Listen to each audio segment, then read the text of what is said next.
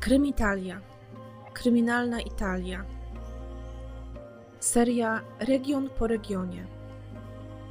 Odcinek 26.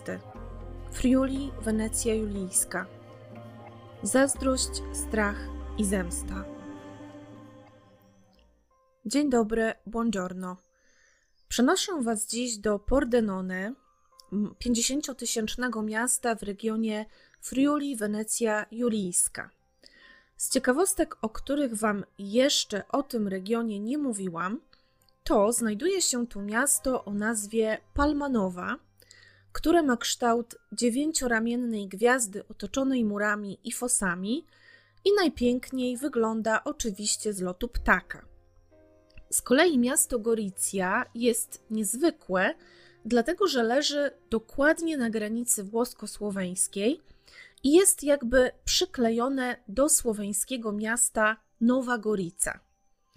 W tym regionie znajduje się też najwyższa we Włoszech dzwonnica, a zdań, które warto tu spróbować, to z pewnością flagowe friko na bazie sera, cebuli i ziemniaków, czasem podawane również z polentą, oraz zupa o nazwie jota, zrobiona z fasoli, kapusty i ziemniaków, często z dodatkiem żeberek lub jakiegoś innego mięsa oraz do smaku kminku.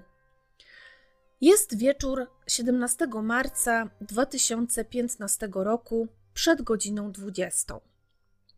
Na parkingu hali sportowej stoi zaparkowane auto. Jest to białe Suzuki Alto. Przed 10, może 15 minutami z budynku centrum sportowego wyszła pewna para. Ona to Teresa Costanza, 30 lat, pochodząca z Sycylii, i on, 29-letni Trifony Garone, z pochodzenia Apulijczyk, a z zawodu wojskowy. Oboje mieszkali w Pordenone od mniej więcej roku.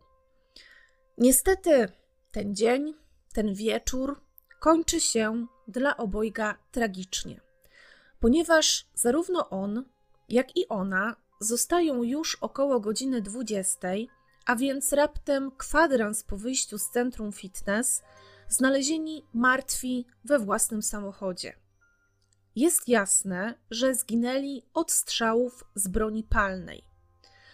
Śledczy, którzy przyjeżdżają na miejsce, szybko zaczynają brać pod uwagę hipotezę o możliwym morderstwie połączonym z samobójstwem. Być może jedno z nich zastrzeliło drugie, a następnie odebrało sobie życie. Ta teoria jednak bardzo szybko musi upaść, ponieważ przede wszystkim nigdzie na miejscu zdarzenia nie ma broni, z której oddano strzały. Jak ustalają eksperci, jest to kaliber 7,65. Jest oczywiste, że gdyby któreś z nich użyło broni, a potem samo się zabiło, no to ten pistolet nadal byłby gdzieś tam w aucie. Ktoś więc musiał zastrzelić zarówno Terezę, jak i Trifonę, a następnie oddalić się razem z narzędziem zbrodni z miejsca zdarzenia. Narzeczonych znalazł instruktor judo, który wyszedł z centrum około 15 minut po nich, czyli około godziny 20, ponieważ był to już koniec jego pracy. I kiedy przechodził koło ich auta, jego uwagę zwróciła wybita szyba właśnie w samochodzie z przodu e, od strony kierowcy. Zajrzał więc od razu do środka, no i niestety tam zastał makabryczny widok. Teresa i Trifone leżeli w kałuży krwi. Mężczyzna zaczął od razu krzyczeć i wzywać pomocy. No, na pewno był w niezłym szoku i dość mocno spanikowany. I zaraz później na miejscu, e, właściwie na piechotę, pojawiła się straż pożarna, ponieważ traf chciał, że akurat tuż obok tego centrum fitness e, strażacy mieli swoją siedzibę. Pojawiają się oczywiście w następnej kolejności też y, karabinierzy, y, również karetka pogotowia i tak dalej. No i śledczy szybko zauważają, kiedy już dochodzą do wniosku, że jednak nie może tu być mowy o jakimś tam samobójstwie połączonym z morderstwem. Tak więc dość szybko też zauważają, że jest to podwójne morderstwo, ale też ono wygląda właściwie jak egzekucja. Teresa leży oparta na kierownicy, a w jej głowie lub jak podają niektóre źródła w twarzy, widnieją dwa otwory po kulach. Natomiast jej partner Trifone siedzi po stronie pasażera i w jego czaszce też są dziury po kulach, z tym, że trzy. Broń, z której zginęli, to półautomatyczny siedmiostrzałowy pistolet, na pewno nieużywany przez wojsko. Pamiętacie, że Trifone właśnie w wojsku robił karierę. Początkowo, ponieważ y, na ciałach było bardzo dużo krwi i nie dało się wszystkiego tak na pierwszy rzut oka zobaczyć, nie było tego dobrze widać, y, tak jak Wam wspomniałam, policji wydawało się, że są, y, że tych otworów jest mniej w czaszce, to znaczy, że każdy z nich ma po jednym otworze. I to też właśnie przemawiało według śledczych za teorią o tym samobójstwie połączonym właśnie z, z morderstwem, czyli że najpierw jedno z nich zabiło drugie, a później zastrzeliło siebie. No i z pewnością kilka cennych godzin w śledztwie zostało przez to błędne założenie bezpowrotnie straconych. Wiemy już, że było to morderstwo.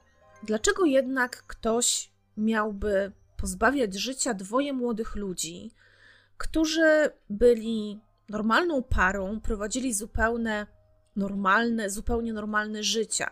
Wiecie, że zawsze to normalne, to ja mówię trochę w takim cudzysłowie, bo chodzi mi o to, że w, kiedy, kiedy używam tego słowa, zawsze mi chodzi o to, że w jakimś tam sensie dany człowiek, nie wiem, nie odbiegał od powszechnie przyjętej normy, tak? Czyli na przykład nie miał zatargów z prawem, nie miał jakichś ekscesów dziwnych na koncie, a przynajmniej nikomu nic o tym nie było wiadomo, więc w tym sensie to mówię.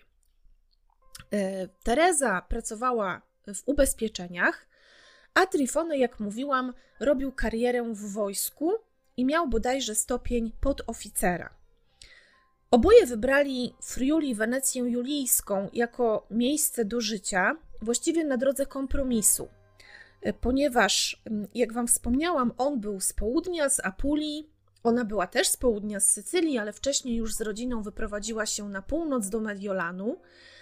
E, I on jej obiecał, że właśnie po to, żeby się nie rozstawać, żeby jakoś tam ten związek pociągnąć, to on zrezygnuje z wyjazdu na zagraniczną misję wojskową, ale ona wtedy z kolei opuści Mediolan, gdzie zostawi swoją matkę, ojca, dwóch braci, no i przeprowadzi się do niego właśnie do Pordenone. Wybrali to miasto jako, jako swoją lokalizację. Oboje właściwie, według słów bliskich, marzyli o wspólnym domu, wspólnym zamieszkaniu, no i później w konsekwencji z czasem o założeniu rodziny. Teresa zaledwie dwa tygodnie przed śmiercią znalazła nową pracę jako agentka ubezpieczeniowa. Świetnie jej ta praca szła, była w tym kierunku bardzo utalentowana, bardzo łatwo jej e, przychodziło to sprzedawanie ubezpieczeń. Była też sumiennym i obowiązkowym pracownikiem, co podkreślał też jej szef z tej nowej agencji. Z kolei Trifone kochał trenować i rzeźbić swoje ciało. Brał nawet udział czasem w takich zawodach czy konkursach kulturystycznych, tak więc była to też dość ważna część jego życia. No i para wspólnie wynajmowała ładnie urządzony, przytulny dom. Oczywiście ten dom też od razu śledczy przeszukują, żeby znaleźć może jakiś tam punkt zaczepienia, co się mogło stać, kto mógł chcieć śmierci mm, dwojga młodych ludzi. Ale przeszukanie domu również nie przynosi niczego konkretnego. Tamtego wieczora Trifone trenował w tym centrum sportowym – Natomiast Teresa podjechała po niego i razem samochodem mieli wrócić do domu. Według słów bliskich, osób, które, które ich znały, Teresa i Trifone byli zgraną i kochającą się parą. Nie mieli żadnych większych problemów, nie kłócili się, a przynajmniej nikt z bliskich o niczym takim nie wiedział. Z nikim nie zadarli, nie mieli też żadnych zatargów z prawem. Ja to zawsze też podkreślam, że nikt z bliskich o tym przynajmniej nie wiedział, bo wszyscy wiemy, jak to jest. Zazwyczaj w takich sytuacjach tak naprawdę nikt nie zna prawdziwego obrazu tego wszystkiego.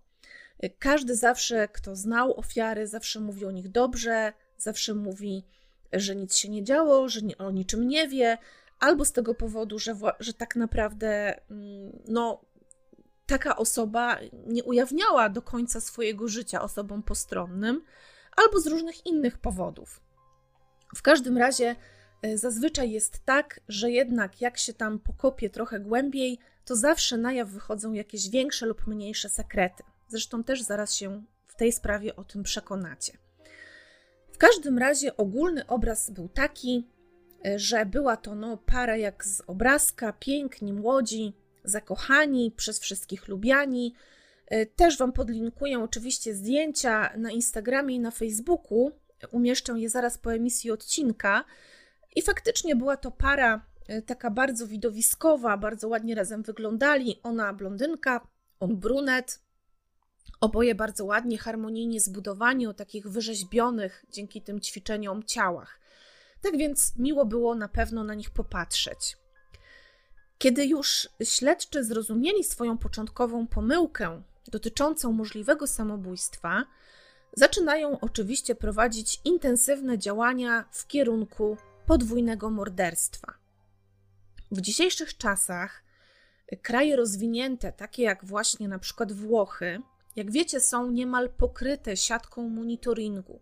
Właściwie trudno znaleźć miejsce, które nie byłoby z jakiegoś tam kąta w jakiś sposób kontrolowane. Kiedy jednak policja sprawdza nagrania z tych kamer, akurat w tamtym miejscu, musi niestety rozłożyć ręce z bezsilności. Tak się bowiem składa, że akurat tego punktu, w którym zaparkowane było auto narzeczonych, nie obejmowała żadna kamera. Można by zatem przypuszczać, że zabójstwo zostało dość dobrze zaplanowane a wybór tego akurat miejsca jego dokonania zupełnie nieprzypadkowy. Koło centrum sportowego zawsze kręciło się bardzo dużo osób, ale akurat tamtego dnia i o tamtej porze dnia było zgoła inaczej. Policji nie udało się dotrzeć właściwie do żadnego naocznego świadka zdarzenia. Kilka osób zeznało jedynie, że słyszało gdzieś tam z oddali jakieś hałasy ale też te osoby nie były w stanie powiedzieć, jakiego rodzaju były to dźwięki. Według śledczych, sprawca zabójstwa podszedł do auta, otworzył drzwi od strony pasażera i zabił najpierw Trifonę, być może z obawy o to, że mógłby on intensywniej się bronić.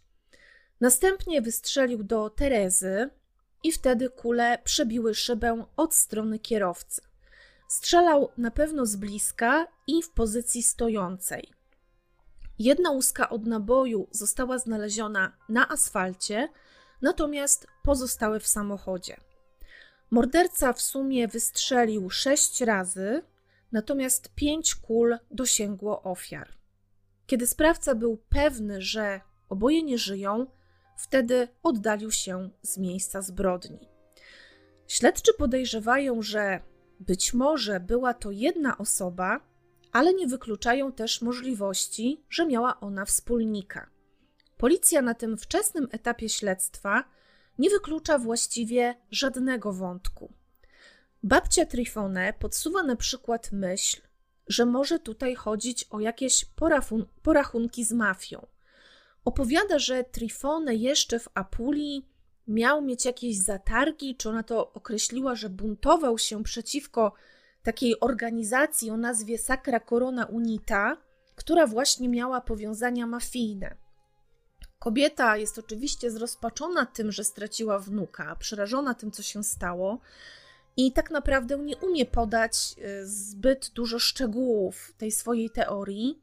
No i w końcu też stwierdza, że właściwie to ona już sama nie wie, czy taka opcja jest w ogóle możliwa.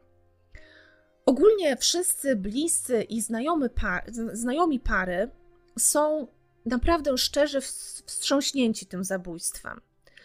Znajomi Terezy z Sycylii i z jej rodzinnego Agrigento opowiadają, że dziewczyna kochała swoje miasto, że bardzo często do niego wracała, właściwie każdego lata, że kochała tamtejsze okoliczne plaże.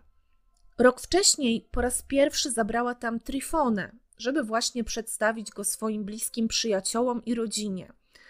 Trifone we wszystkich wzbudził sympatię, całą paczką razem aktywnie spędzali czas, uprawiali na przykład kitesurfing. Właśnie Teresa starała się swojego chłopaka mm, zarazić tym sportem. I ogólnie przyjaciele wspominają ją jako taką miłą, uśmiechniętą dziewczynę, która nigdy nikomu nie zrobiłaby żadnej krzywdy. Śledczy sprawdzają też oczywiście auto, w którym została znaleziona para. Niestety nie ma w nim niczego, co mogłoby w jakiś sposób przyczynić się do ujęcia zabójcy. Ani odcisków palców, które mogłyby należeć właśnie do, do niego czy do niej, ani śladów DNA, które mogłyby wzbudzać jakieś podejrzenia. Przesłuchiwane są też setki osób.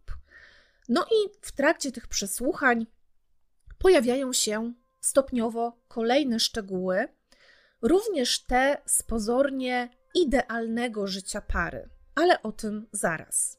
Jeden starszy pan opowiada na przykład, że kilka dni przed morderstwem widział jakiegoś mężczyznę kręcącego się w dość dziwny i niepokojący sposób po parkingu. Przesłuchiwani są również koledzy Trifone z wojska, no i właśnie między innymi z ich zeznań wynika, że Trifone, mimo że zakochany w Terezie, co też często podkreślał, to jednak spotykał się też z innymi kobietami, no i niestety nie był swojej dziewczynie wierny.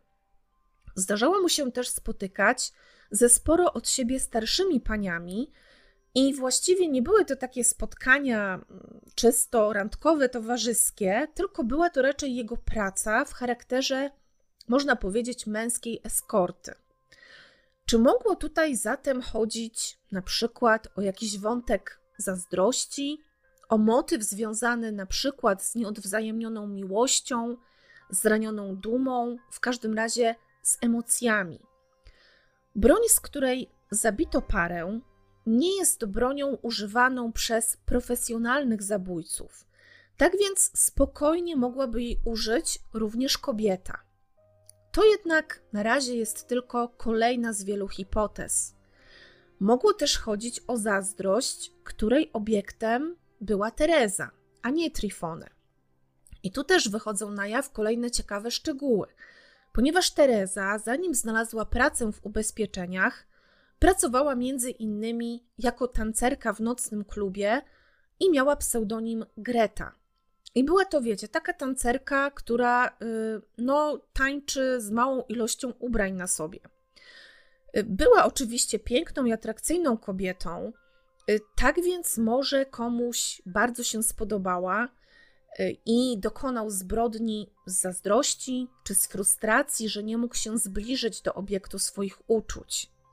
Przyjaciółka Terezy opowiada też, że dziewczyna bardzo oddzielała te, można powiedzieć, różne światy, w których żyła i których była częścią. Niektórzy z jej znajomych na przykład w ogóle nie znali Trifone. Mimo, że ewidentnie, co zawsze mówiła, był on miłością jej życia, planowała z nim przyszłość, ale jednak nie przedstawiła go wszystkim. Z kolei jej rodzina nie wiedziała w ogóle o jej pracy w charakterze tancerki, a jeszcze wcześniej barmanki. I w związku z Terezą też powraca tutaj po raz kolejny wątek mafijny. Wspomniałam Wam, że ona ze swoją rodziną przeprowadziła się z Sycylii do Lombardii. Najpierw to było San Donato Milanese w 2006 roku. Natomiast 11 lat wcześniej bez śladu zaginął jej wujek, e, brat jej ojca. I informatorzy policji twierdzą, że mógł on zostać zamordowany przez mafię w związku z ujawnieniem jakiejś tam tajnej kryjówki jednego z mafijnych bossów. I co prawda ojciec Terezy, a brat owego wujka, nigdy bezpośrednio nie miał związków z takim środowiskiem, no ale oczywiście wątek, taki wątek w rodzinie, takiego zdarzenia rzuca się w jakiś tam sposób cieniem na, na to, co się stało i na życie Terezy, no i musi też zostać zgłębiony w związku z jej śmiercią. Kolejny trop śledczych, czy można powiedzieć, no nawet nie trop, no bo trop to już jest coś konkretnego, bardziej znowu hipoteza, jest to ewentualny niespłacony dług. Być może za jakieś na przykład substancje anaboliczne.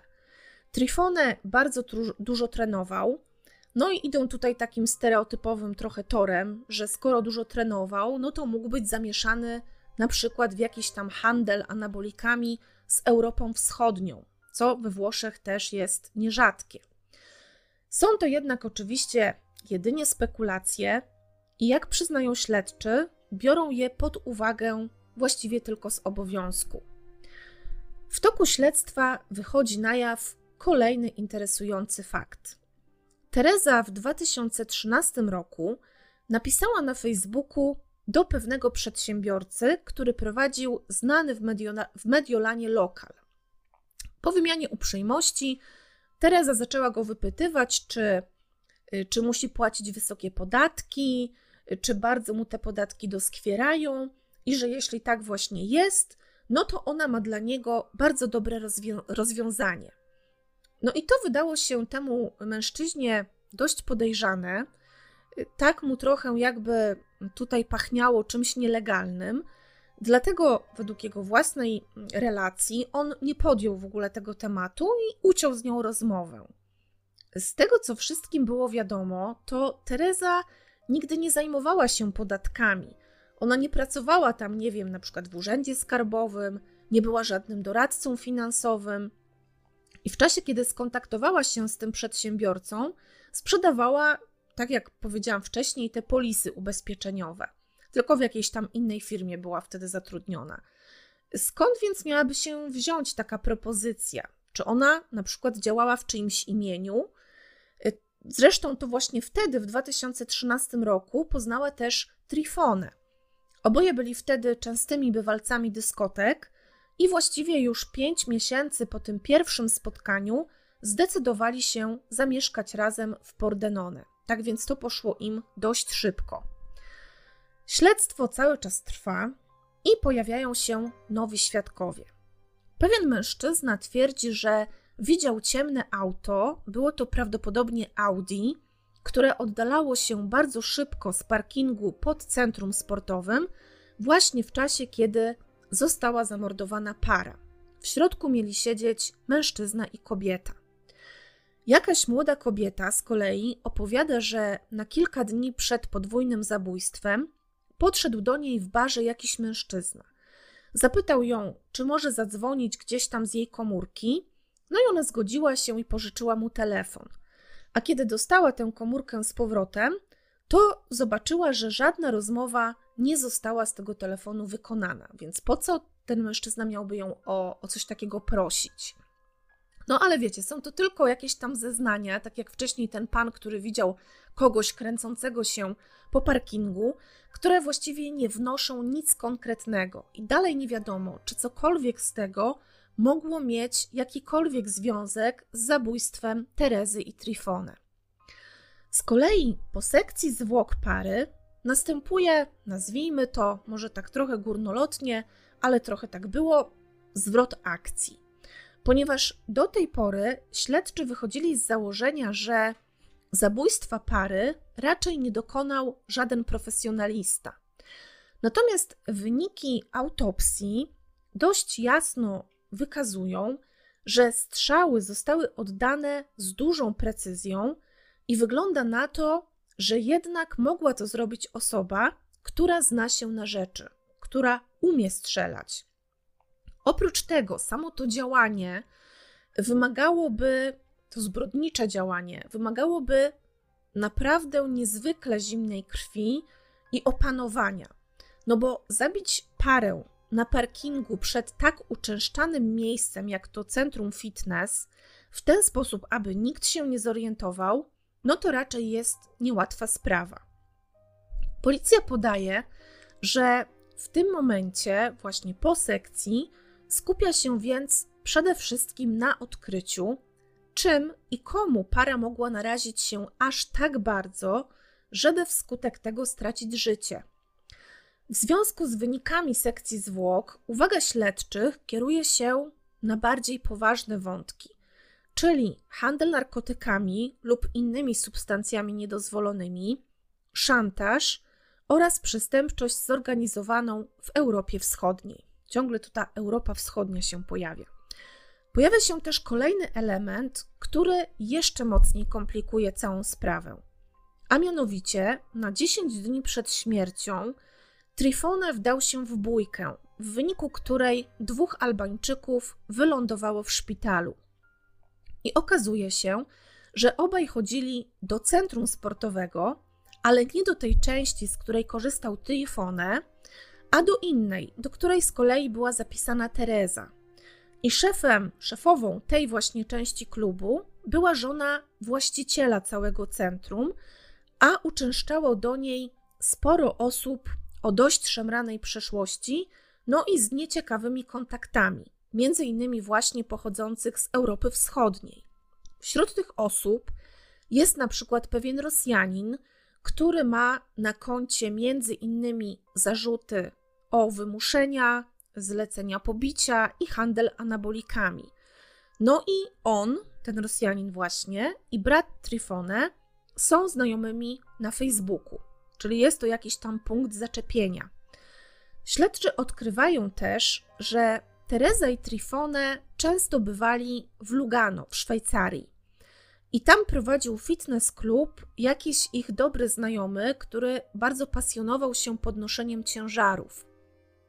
I teraz pytanie, czy narzeczeni bywali w tym klubie tylko po to, żeby spotkać się ze znajomymi, czy jednak mieli w tym jakiś inny cel? Bywalcy tego klubu opowiadają, że Teresa przedstawiała się tam jako pośrednik finansowy, a nie agentka ubezpieczeń. No i to też pokrywałoby się na przykład z zeznaniem tamtego mediolańskiego biznesmena, który twierdził, że właśnie kobieta, y, Teresa, proponowała mu jakieś tam niejasne interesy związane z podatkami. Szwajcaria zainteresowała śledczych też dlatego, że w kantonie Ticino, tam gdzie położone jest Lugano, od lat już tkwił handel anabolikami i szwajcarska policja tam bardzo intensywnie z tym handlem walczyła. Jednak niezależnie od wszystkich tych wątków, policja postanawia też we wrześniu przeszukać przy pomocy nurków takie małe jeziorko położone w parku bardzo niedaleko parkingu, na którym zostali znalezieni narzeczeni. No i jest to strzał w dziesiątkę, ponieważ w tym właśnie jeziorku znajdują magazynek. I jak się okazuje, jakaś tam oprócz magazynku, to jeszcze tam była jakaś kolejna część broni, ale nie, nie wiem dokładnie, jak to się nazywało. I okazuje się, że właśnie te części y, broni, ten magazynek i, i to drugie, pasują idealnie do rodzaju broni użytej do zabójstwa Terezy i Trifone. No i między innymi w ten właśnie sposób, czyli poprzez znalezienie tego magazynku, a także analizując nagrania z kamer monitoringu w pobliżu parku i w pobliżu tego centrum sportowego oraz bilingi rozmów telefonicznych, policja bierze na celownik pewną konkretną osobę. A jest to młody mężczyzna, były współlokator Trifone, a także jego współpracownik z wojska, 26-letni kapral Josue Ruotolo. Chłopak był już przesłuchiwany kilka razy wcześniej jako znajomy pary i wtedy już nie potrafił policjantom podać żadnego solidnego alibi. Twierdził za każdym razem, że tamtego dnia, kiedy zostali zamordowani Teresa i Trifone, około 19.50, był sam w domu i grał na PlayStation, a o całej sytuacji dowiedział się od kogoś tam znajomego z SMS-a. Policjanci Po tym, jak znajdują ten wyrzucony magazynek, są jednak coraz bardziej przekonani, że to właśnie Ruotolo zabił parę, a następnie pozbył się części broni, wyrzucając je do tego pobliskiego jeziorka. Tą bronią była stara beretta z 1921 roku i mógł e, właśnie mm, Josue wziąć ten pistolet z domu swojego ojca. Policja sprawdziła, że ten ojciec był pasjonatem w ogóle broni i posiadał całkiem sporą kolekcję zarówno starej, jak i nowej broni. Z kolei sam Josue nie miał w ogóle pozwolenia na pistolet. Na nagraniach z kamer monitoringu widać również auto, które jest łudząco podobne do samochodu Josue, i to auto znajduje się w okolicach miejsca zdarzenia. Co mam na myśli mówiąc łudząco podobne? No oczywiście kolor, ale oprócz tego markę, ale oprócz tego też zbite tylne światło, tak jak właśnie w jego samochodzie, oraz taka tam była na masce, znaczy na desce rozdzielczej, taka charakterystyczna maskotka. Oprócz tego współlokatorzy mężczyzny nie potwierdzają jego alibi. To znaczy nie potwierdzają, że on był wtedy o tej godzinie w domu i grał w gry, tak jak twierdził kilka razy podczas przesłuchań. Jaki on jednak mógł mieć motyw? Czy na przykład był zakochany w Terezie? Wiadomo, że od lat był związany z dziewczyną, która pochodziła tak jak on z Somma Wezuwiana w kampanii. No i on, ten Josue i Trifone byli w ogóle bardzo dobrymi przyjaciółmi przez jakiś tam czas. I przez dwa lata, zanim Trifone zamieszkał z Terezą, byli też współlokatorami. Oprócz tego znali się też z wojska. Ich kariera przebiegała bardzo podobnie. Obaj starali się dostać do Guardia di Finanza. Jest to taka wyspecjalizowana policja, która podlega włoskiemu Ministerstwu Finansów i zajmuje się przede wszystkim przestępstwami gospodarczymi. Y, byli oni ze sobą tak blisko, na tak przyjacielskiej stopie, że Josue wspólnie z pięcioma innymi kolegami niósł trumnę Trifone podczas jego pogrzebu. Z kolei na czuwaniu po śmierci narzeczonych sprawiał wrażenie bardzo przybitego, no i zachowywał się, można powiedzieć, bez zarzutu, czyli tak jak oczekiwałoby się od osoby, która straciła w tak przerażających okolicznościach dobrego przyjaciela. Podczas przesłuchania Josue zaprzecza, jakoby łączyło go cokolwiek więcej z Terezą. Twierdzi, że właściwie to znał ją tylko z widzenia.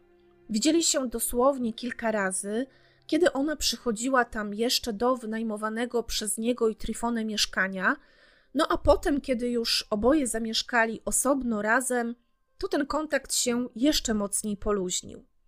Kategorycznie zaprzecza, że był zazdrosny o Terezę. Opowiada, że nie jest typem, który umie w jakikolwiek sposób obchodzić się z bronią i że najwięcej czasu spędza pracując przy komputerze. Zabójstwo przyjaciela i jego dziewczyny nazywa niewyobrażalnym okrucieństwem i oczywiście twierdzi, że nie ma z tym nic wspólnego. Natomiast y, podczas przesłuchania, do którego dochodzi, kiedy Josue jest już oficjalnie podejrzanym, no bo wiecie, wcześniej był przesłuchiwany w charakterze tylko świadka, czy tam osoby, która ma, może mieć jakąś wiedzę o, o, o tych faktach, no i teraz już jest jako oficjalny podejrzany i wtedy też dochodzi do kolejnego przesłuchania. No i on wtedy na tym oficjalnym przesłuchaniu zmienia swoją wersję e, wydarzeń dotyczącą tego, co robił 17 marca wieczorem. Pamiętacie, że on podczas wszystkich wcześniejszych zeznań twierdził, że był sam w domu i że grał w gry, ale jego współlokatorzy nie potwierdzili tego alibi. Teraz z kolei on opowiada, że tamtego wieczora chciał pojechać potrenować do tego centrum sportowego, tam gdzie właśnie znaleziono Terezę i Trifonę, ale podjechał tam, zobaczył, że parking jest całkowicie zapełniony, Zmienił więc plany i postanowił jednak pobiegać w pobliskim parku, zrobić sobie taki jogging. Właśnie w tym parku, gdzie później policja znalazła ten zatopiony w jeziorze magazynek. I on opowiada, że mm, no, zdecydował się pobiegać, ale ponieważ było bardzo zimno, to dość szybko przerwał to bieganie i wrócił do domu, no bo po prostu było mu za zimno. W grudniu, czyli tam kilka miesięcy po, po tym, jak, y, jak ten Josue pojawia się w całym tym obrazku, y, tak więc w grudniu policja zaczyna się interesować jeszcze kolejną osobą, a jest to nie kto inny jak 24-letnia, wieloletnia dziewczyna Josue, a nazywa się ona Rosaria Patrone. Nie ma większych wątpliwości, właściwie chyba nie ma żadnych wątpliwości, że w momencie zabójstwa Terezy i Trifone y, jej tam nie było na miejscu. Ona przebywała na drugim końcu półwyspu, właśnie w tej swojej rodzinnej miejscowości w Somma Wezuwiana, ale śledczy sądzą, że mogła ona posiadać ważną wiedzę dotyczącą zdarzenia, a nawet pomagać swojemu partnerowi w zacieraniu śladów i konstruowaniu alibi. Miała również usuwać wiadomości na czacie, w których Josue ujawniał jej szczegóły dotyczące podwójnego zabójstwa. Ale to nie wszystko. Policja uważa, że właściwie to ona miała nawet podżegać swojego partnera do zamordowania Terezy i Trifony. Ale z jakiej przyczyny? Podobno z takiej, że miała się bać o to, że zbyt częste przebywanie Josue w towarzystwie tej pary doprowadzi do tego, że zacznie on spotykać się z innymi kobietami i w konsekwencji ją zdradzać. No, powiedziałabym, że to bardzo pokrętna logika. Z oceny psychologicznej wynika, że Rosaria miała pewne problemy, zarówno dotyczące zachowania, jak i psychiczne. Rok po zabójstwie policja już oficjalnie aresztuje Josue Ruotolo. Z kolei jego dziewczyna Rosaria Patrone ma przebywać w areszcie domowym. Twardych dowodów przeciwko mężczyźnie nie ma. Prokuratura więc opiera swój akt oskarżenia przede wszystkim na poszlakach. Z analiz komputera i telefonu oskarżonych i ofiar wynika, że w 2014 roku Josue pisał do Terezy, przedstawiając się jako Annaliza. I w tych wiadomościach on ją informował, że Trifone ją zdradza, nazywał ją tam też dosadnie rogaczką, tak, forma żeńska od rogacza, i twierdził, że Trifone jest z nią tylko dla pieniędzy i że powinna go rzucić. No i podobno właśnie, czy nie podobno, bo to, to zostało w jakiś tam sposób potwierdzone mm, właśnie przez te wiadomości i też zeznania współlokatorów. Y, tak więc Trifone się o tym wszystkim dowiedział, y, odkrył tożsamość tej Anny Lizy, czyli dowiedział się, że to jest jego przyjaciel właściwie, Josue. No i pomiędzy nim a dawnym kolegą wtedy miało dojść do bójki. Według współlokatorów Ruotolo miał potem rozciętą wargę i ranę na policzku. I wtedy właśnie już po tej bójce Trifone e, miał mu powiedzieć, że on tego tak nie zostawi, że on zgłosi to jego nękanie na policję, no i że dla Josue właściwie mogło to oznaczać w tym momencie koniec kariery wojskowej. I współlokatorzy zeznają jeszcze, że on wtedy naprawdę wściekł się na Trifonę i powiedział mu, że za to wszystko mu zapłaci. Sam Josue oczywiście zaprzecza mm, w swoich zeznaniach, aby kiedykolwiek miało dojść do jakiejś bójki czy innej konfrontacji między nim a Trifonę i twierdzi, że nie miał z przyjacielem żadnych konfliktów. Śledczy jednak nie za bardzo dają temu wiarę. W listopadzie 2017 roku zapada wyrok w sądzie pierwszej instancji. Josué Ruotolo dostaje karę dożywotniego pozbawienia wolności za podwójne zabójstwo Terezy Kostancy i Trifone Garone. To, co go pogrążyło jak już wiecie, to przede wszystkim ten magazynek znaleziony w jeziorze, oraz nagrania z kamer monitoringu, a także brak alibi. Motyw jednak wciąż pozostaje nie do końca jasny. Według sądu Ruotolo próbował skłócić Terezę i Trifonę, podszywając się pod tę analizę. Zresztą okazuje się, że to była prawdziwa kobieta, którą Trifonę znał gdzieś tam z tej siłowni. No i że on robił to między innymi po to, aby zadowolić swoją dziewczynę, która w jakiś tam pokrętny sposób upatrywała w Trifonę i w Terezie zagrożenia dla ich związku.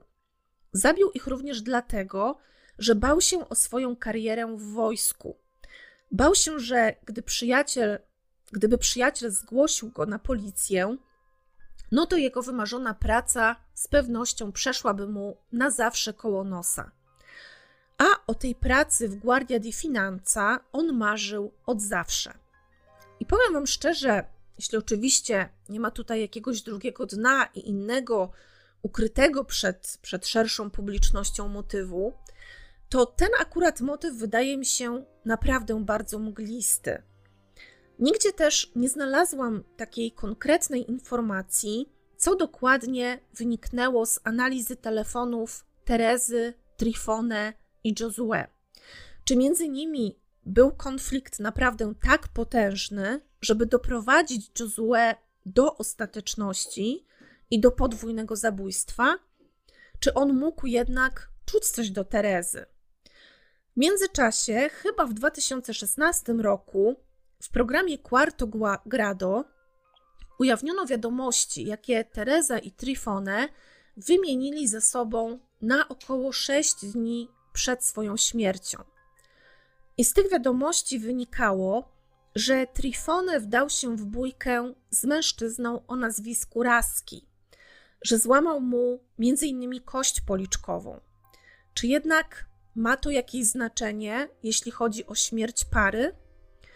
Pokażę Wam teraz krok po kroku, co odtworzyli śledczy, posiłkując się nagraniami z kamer monitoringu, logowaniami telefonów oraz GPS-em zainstalowanym w aucie pary, który uruchamiał się zawsze samoczynnie, kiedy pojazd ruszał.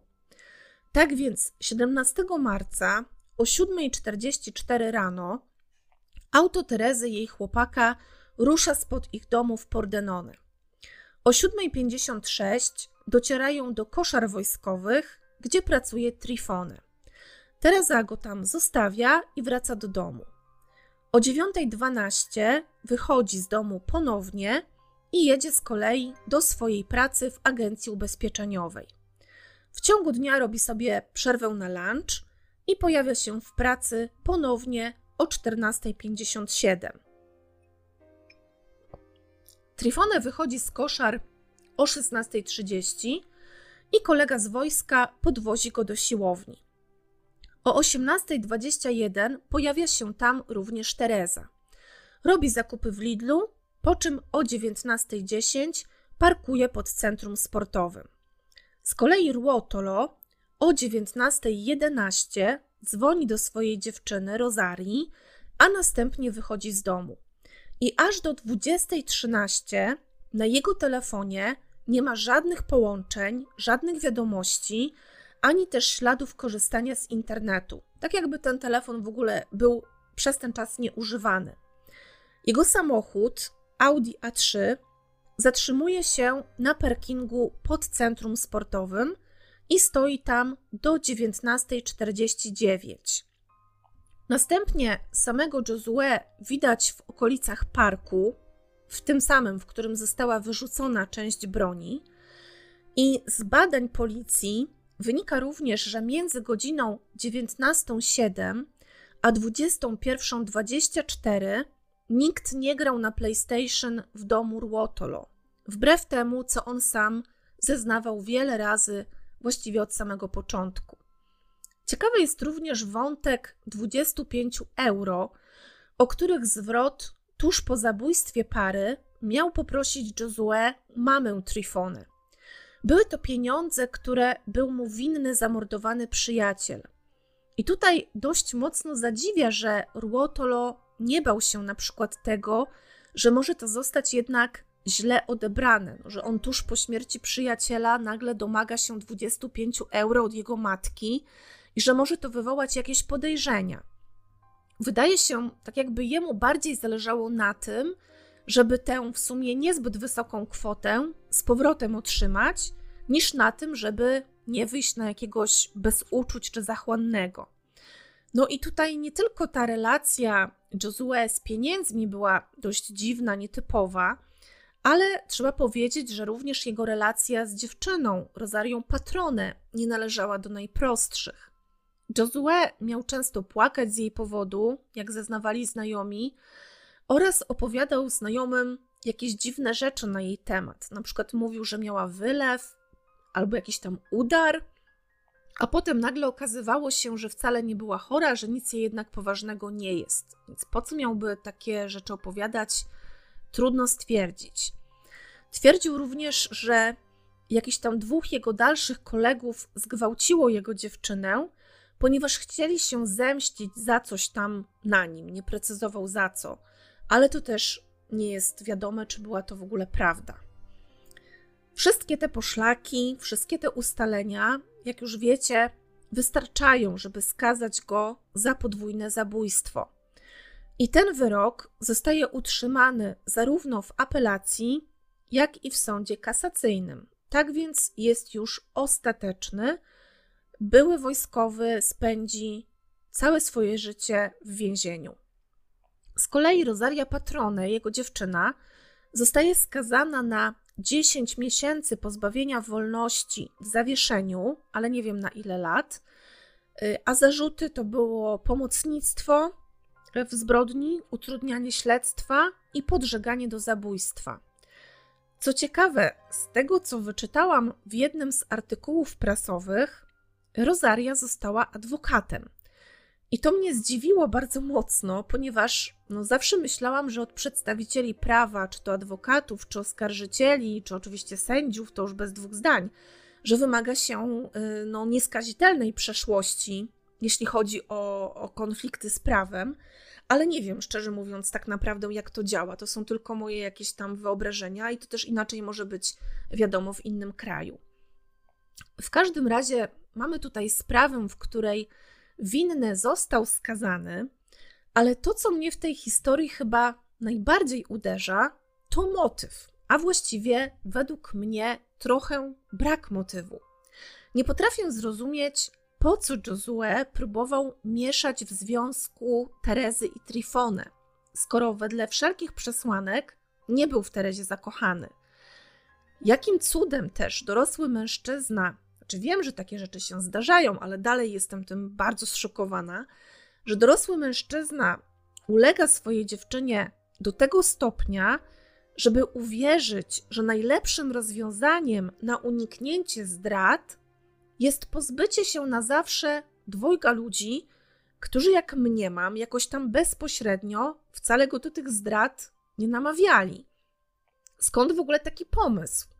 Dlaczego Rosaria widziała aż takie zagrożenie akurat w Terezie i Trifone? Czy jednak coś między nimi zaszło i czy śledczy po prostu nie podają wszystkiego do wiadomości publicznej?